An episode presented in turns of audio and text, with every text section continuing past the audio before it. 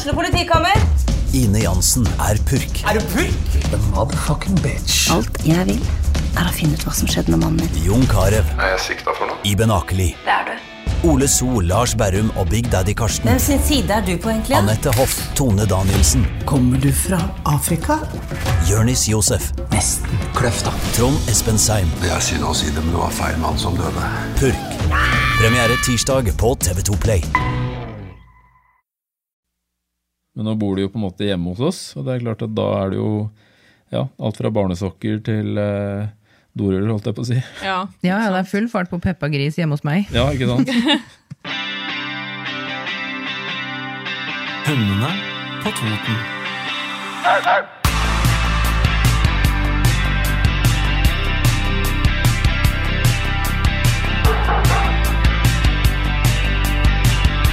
Hallo, velkommen til Hunder på Toten. Velkommen tilbake. Det er jo da Line og Stine, som alltid. Som vanlig. Men i dag så har vi snikket med oss en gjest. Det var han luringen vi snakka om forrige uke. Ja, Han og den som fikk den flotte introen. Yes. Det var Peder. Velkommen, Peder. Hei, hei. Takk for at jeg fikk komme. Veldig koselig at du hadde lyst til å komme. Kan ikke du si noen få ord om deg sjøl, da? Jo, jeg heter jo da Peder Kristiansen.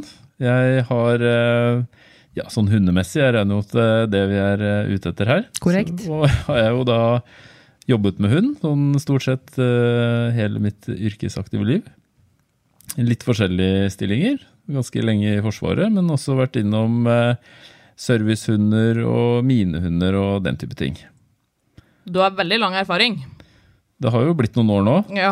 Det er faktisk eh, ja, det er 20 år siden jeg starta som eh, hundefører i førstegangstjenesten. Og så gikk det jo, har det jo gått i ett siden da. Bra. Da har du jo ganske mye artig erfaring med deg, som du regner med du bruker ganske aktivt, som du sier, når du jobber med hund. Og som vi har lært veldig mye av. Ja, det har vi jo absolutt. Det er jo Ja, det meste jeg kan og vi kan, er jo fra deg. Ja, Det er jo hyggelig. vi syns jo du er en luring. Men eh, vi må jo starte med den faste spalten vår Fem kjappe. Ja. Fem kjappe.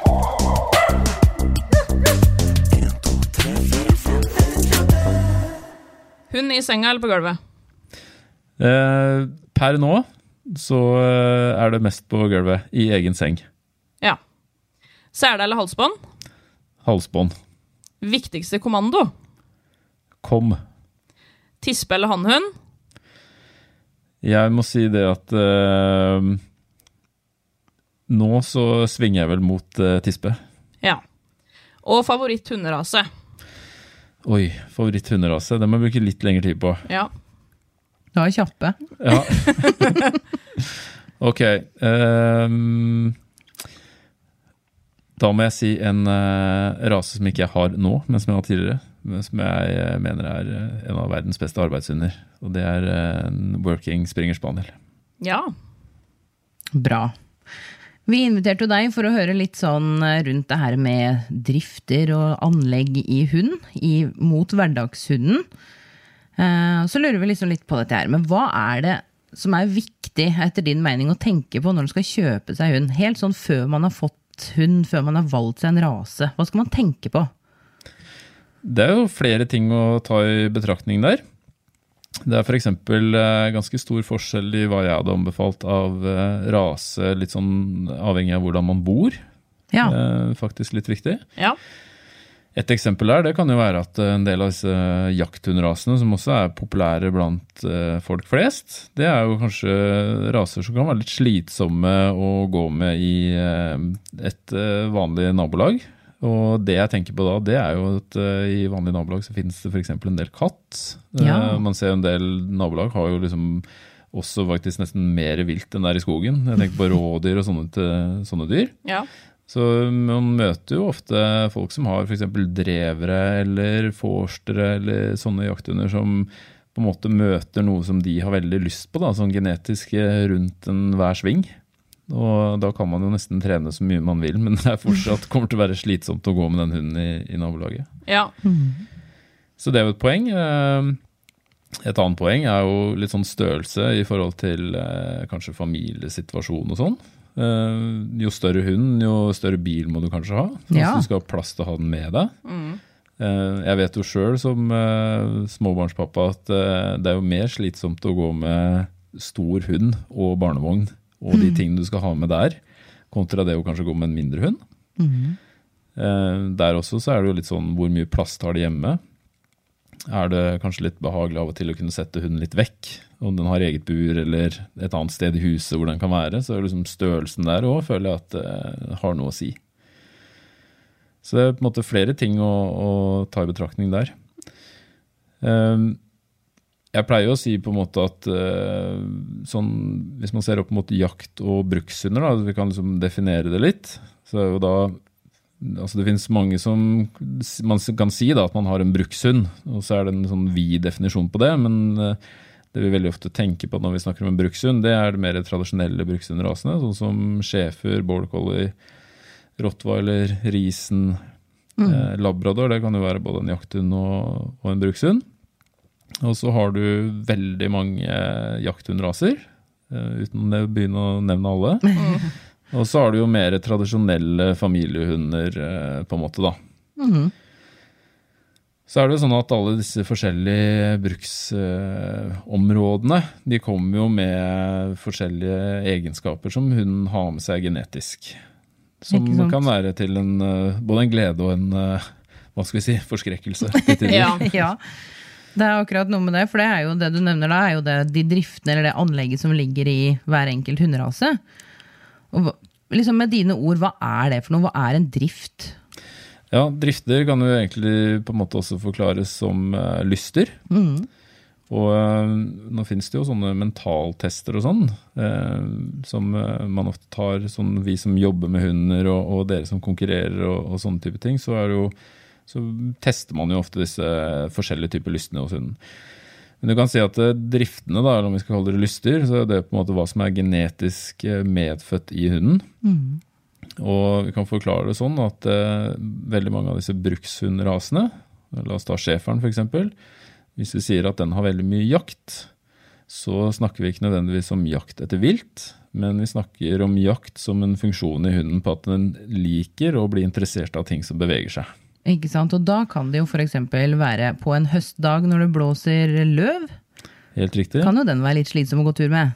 Absolutt. Og eksempel så man sitte og se på en uh, fotballkamp uh, hvis man har barn igjen. Ja. Og skal være med på det, så er det mange ting som beveger seg.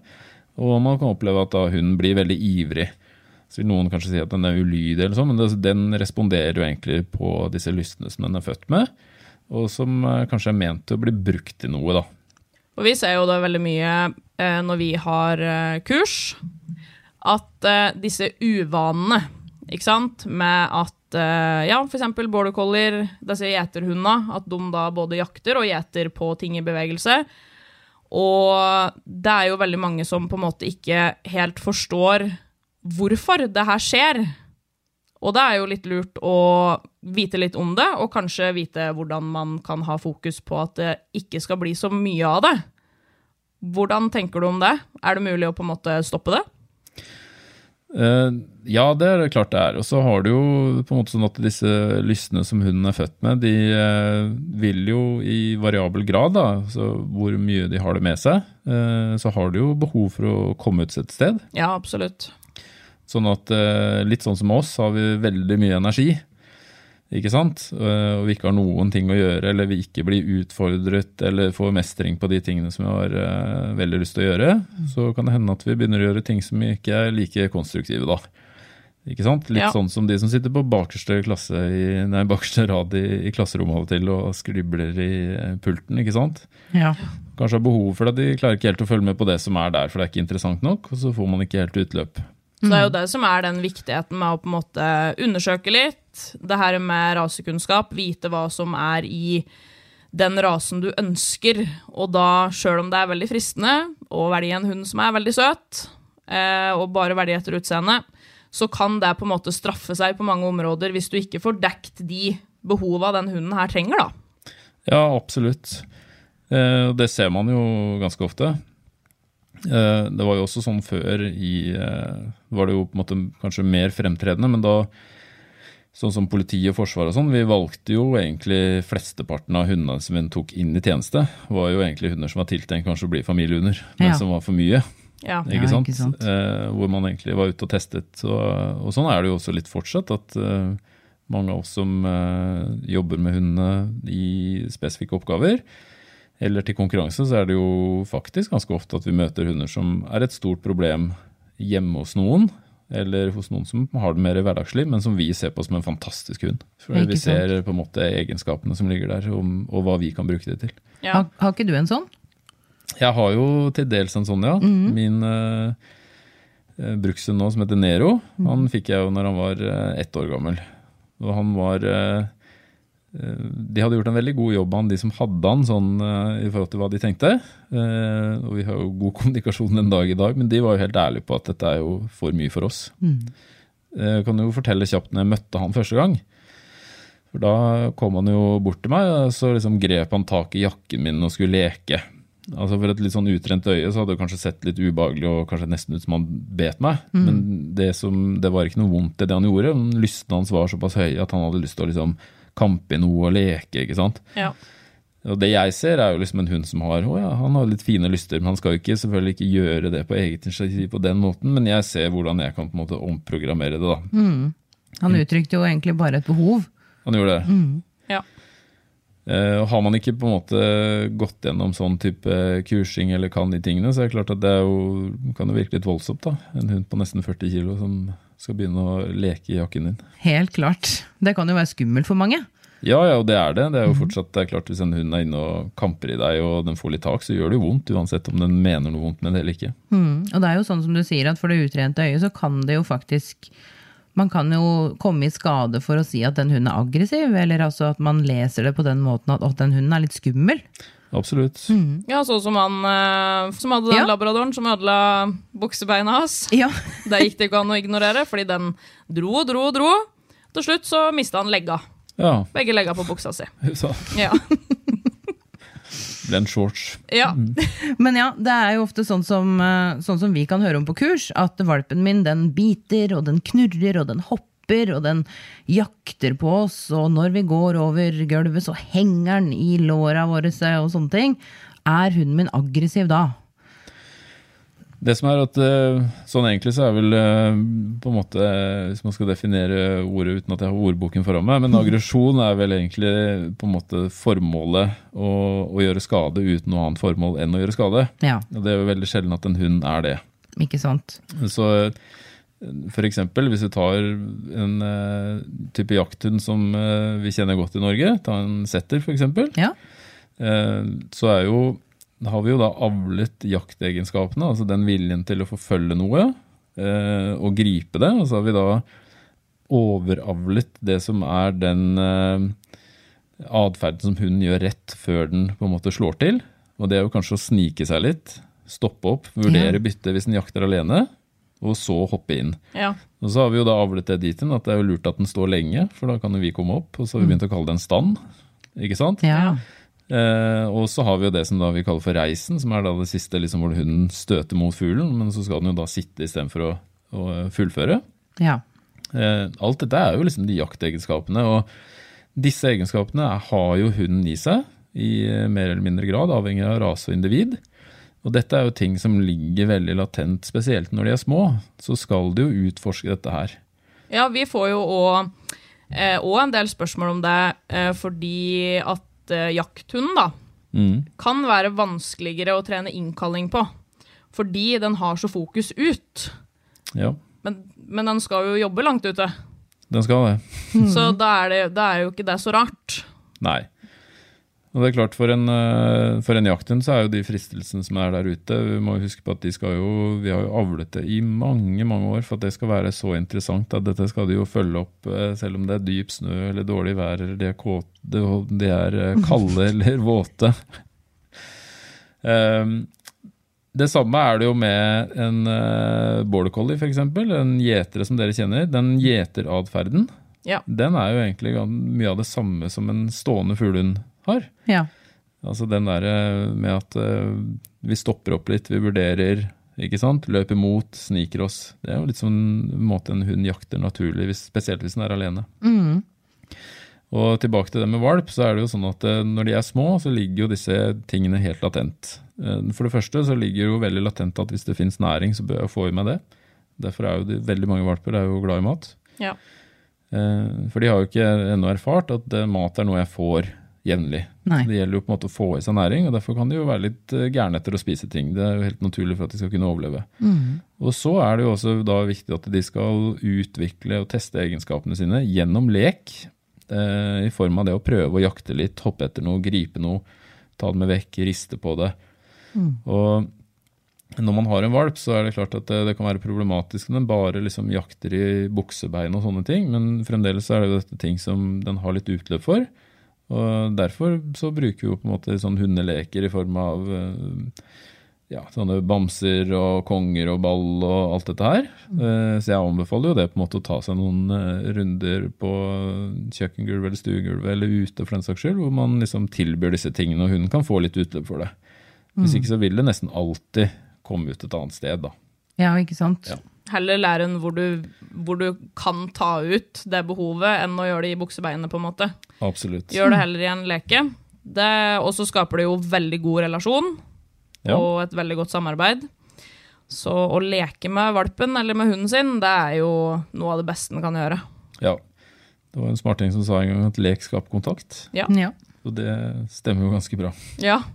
Det er jo helt, eh, helt riktig og veldig tydelig for oss å se, da, som jobber mye med hund. Og eh, et veldig godt tips, tenker jeg, til uansett hva du skal bruke hunden din til. Ta deg den tida, som du sier, da, og, og lek med de. For, eh, for eksempel, som vi var inne på i stad, det her med innkalling. Det vil jo òg øke verdien av oss, sånn at det er enklere for hunden å velge oss når vi roper, eksempel. Absolutt, og det som er litt interessant å se på, da, det er jo at eh, for de som har mer hverdagshunder, eller som er litt ferske, så eh, tenker man jo veldig mye på det med at hunden skal oppføre seg sånn eller sånn, ikke sant? Og man vil gjerne at hunden skal gjøre ting. Og en del av disse opplever at det er vanskelig å få hunden til å gjøre ting. Eh, mens vi som trener mer hund, vi er jo da veldig bevisst på at vi må gi hunden noe som er verdt å jobbe for. Ja.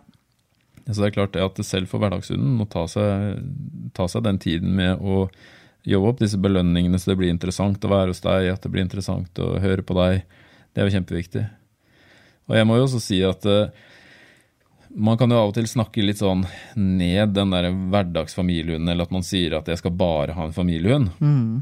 Hvis vi hadde skrevet opp, hvis jeg på en måte skulle eh, trent opp den perfekte familiehund, og vi hadde liksom begynt å se på det som et slags godkjenningsprogram, så det er klart at det, det hadde jo blitt et ganske avansert program. Ja. Det hadde det. Alt det den hunden skulle kunne, takle, være med på. Nesten vanskeligere enn eh, noe annet godkjenningsprogram, tror jeg. For det er jo så mye ting. Jeg pleier ofte å si det når jeg har eh, kurs, at eh, når den hunden som bare skal på konkurranse, den har det egentlig litt enklere enn den her hverdagshunden, fordi hverdagshunden skal tåle alt. Absolutt. Jeg ser jo bare på min valp å være i rom med unga mine, som lager lyder, som kaster leker, som løper og skriker og sånne ting. Det er jo kjempevanskelig. Det trigger jo alt inn.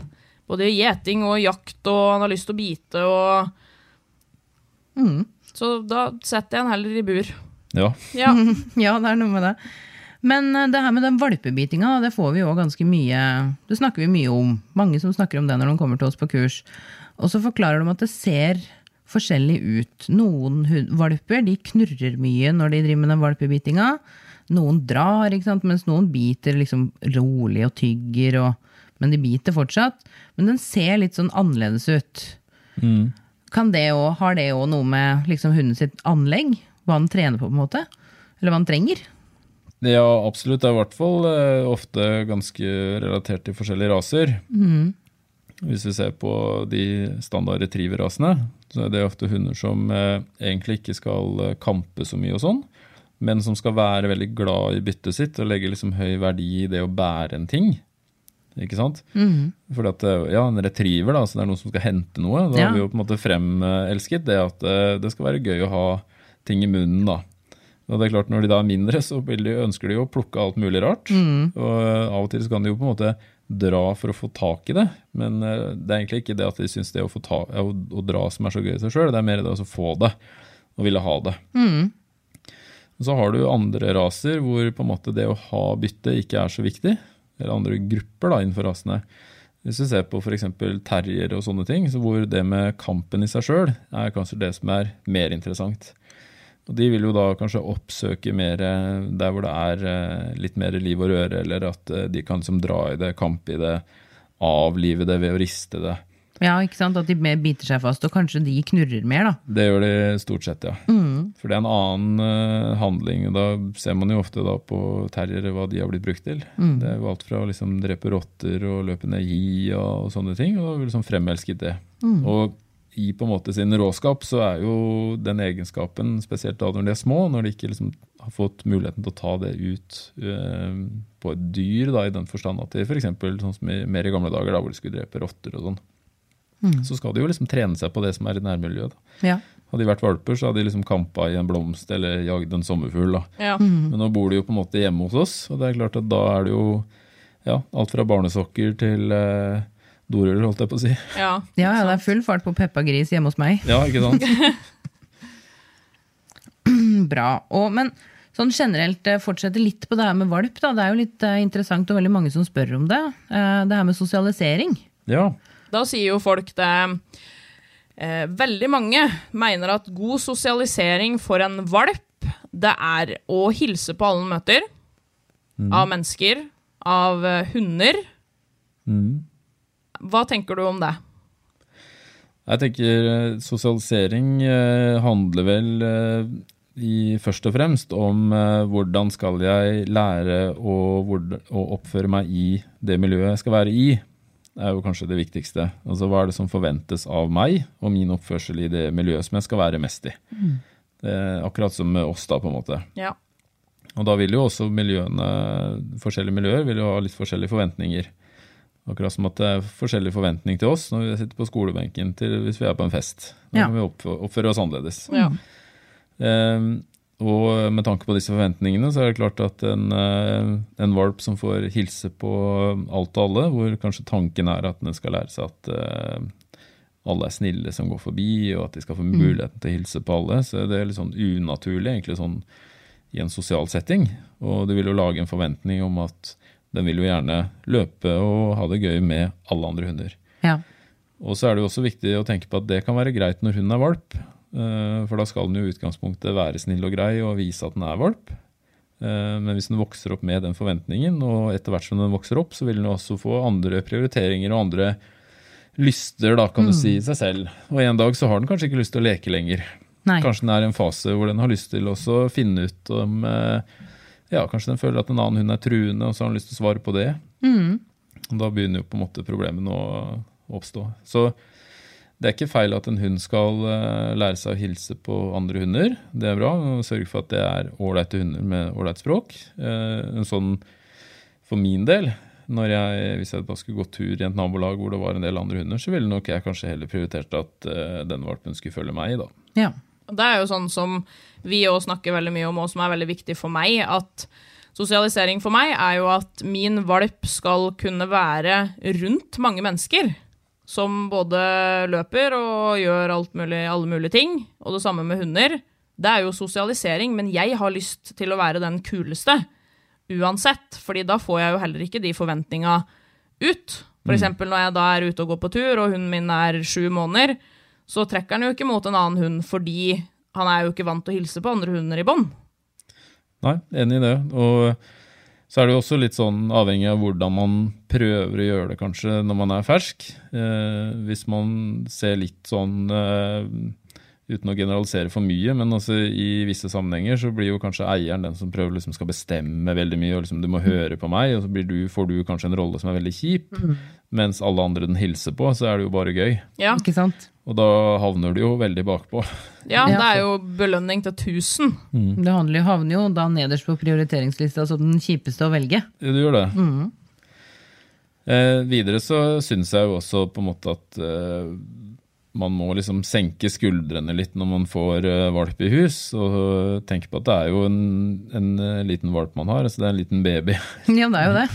Det er ingen som forventer at en eh, baby ikke skal, eh, en toåring ikke skal rive ned noe fra bordet. Nei. Det skjer. Nei, det skjer. Og da tenker vi at ok, ja det, det gjør de, så Ja. derfor må vi passe på. Og det hjelper jo ikke liksom å prøve å unngå det én gang. Og sånn er det jo med en valp også. Heldigvis så vokser de jo opp litt fortere enn det vi gjør. Ja, heldigvis. Men man må liksom la valp være valp, og så prøve å stimulere de tingene som vi vil ha mer av. Som dere sikkert har snakket om eh, mye før også, men heller prøve å se etter de positive tingene og lage gode rutiner, da. Ja. Så hvis valpen har veldig mye energi, så er det ofte ikke mer enn 20 minutter som skal til med litt aktivitet eh, i hagen eller et annet sted i huset hvor du kaster litt ball eller trener litt med godbiter. Og så blir den litt roligere og har fått ut litt eh, energi av kroppen, da. ja. For de blir jo fort slitne. Absolutt. Og det er jo ofte når de er, begynner å bli litt slitne at vi ser de her store problemene. Da, at de begynner å bite mye, eller at de begynner å løpe rundt som en gærning f.eks. Eller Ja. henge i taklampa. Eller, ja. Det er jo da det ikke er så veldig trivelig å ha valp, egentlig. Det er jo det. Absolutt. Uh, nå har vi vært en del inne på det her med hverdagshunden, at den trenger å kunne mye. Den trenger å kunne skikkelig mye. Etter liksom din erfaring og hva du tenker, hva er det viktigste en hverdagshund trenger å kunne?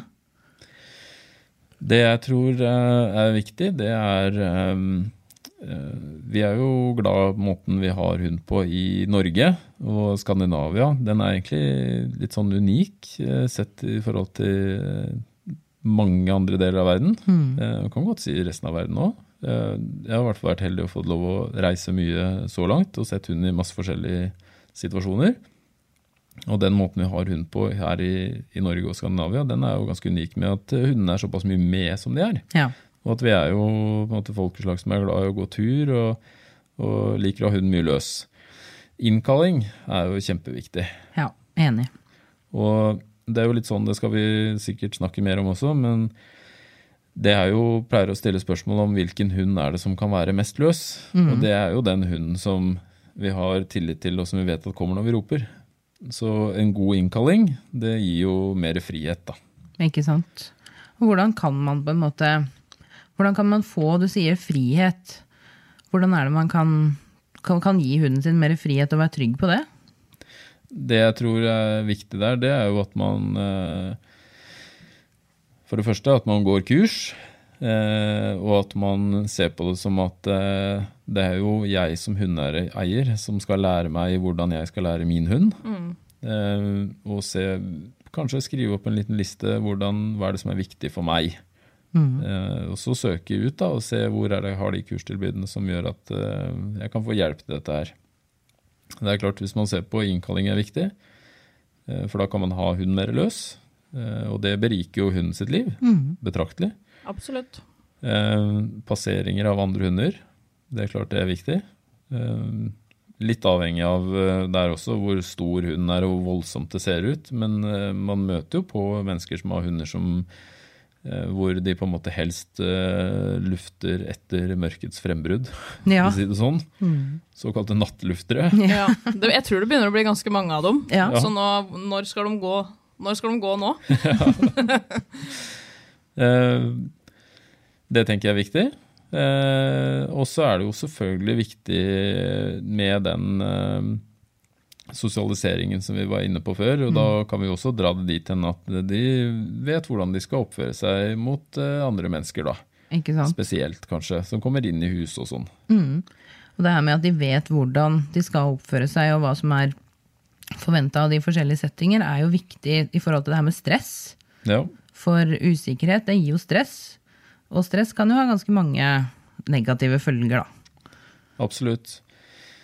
Det er sånn så har jeg en litt sånn framgangsmåte, og spesielt etter jeg fikk eh, barn i hus, hvor eh, jeg tenker at noen ganger så er det bedre å skille hunden fra resten av familien. Eh, fordi at ikke man skal på en måte bli en sånn eh, kjeftesmelle hvor eh, man må passe på alt i, i begge kanter. Mm.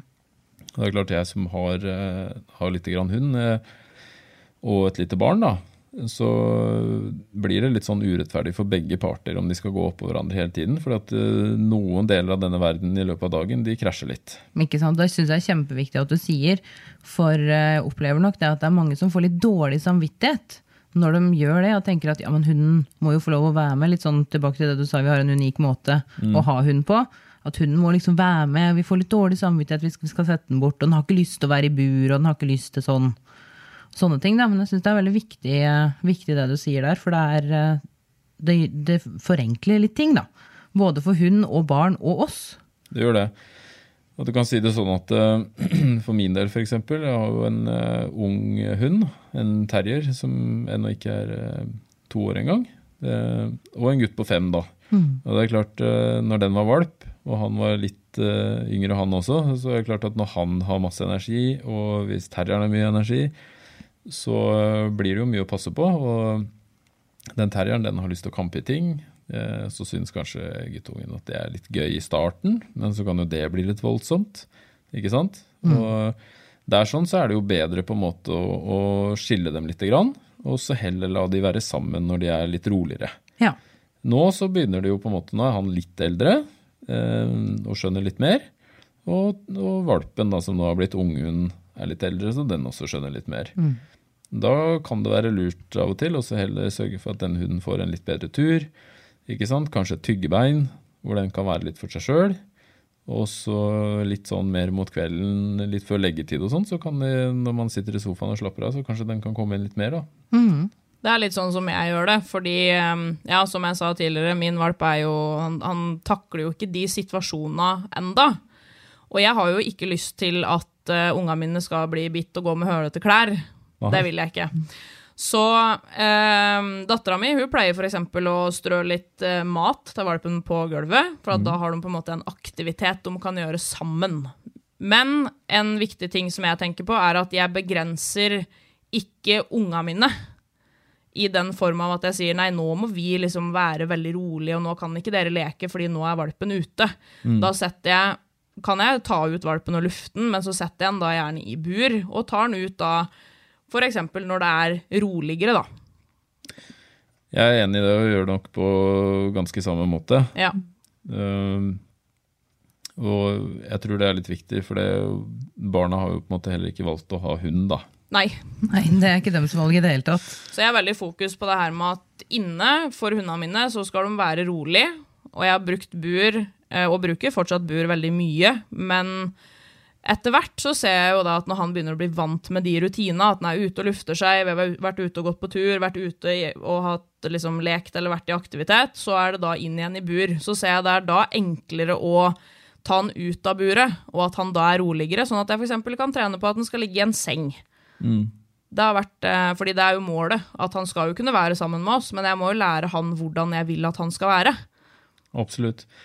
Og det er jo sånn at eh, det en hund kan gjøre mot en annen hund, ikke sant? hvor hundene kan tåle det, så stiller jo vi mennesker litt annerledes. Ja. Altså, et, eh, hvis en hund leker med en annen hund, så kan de bite ganske hardt, faktisk, til tider. Ja. Og dra litt og sånn. De tåler faktisk mer enn oss. De har pels, stort mhm. sett, mm -hmm. eller i hvert fall mange hunder, eh, som gjør at de tåler litt mer.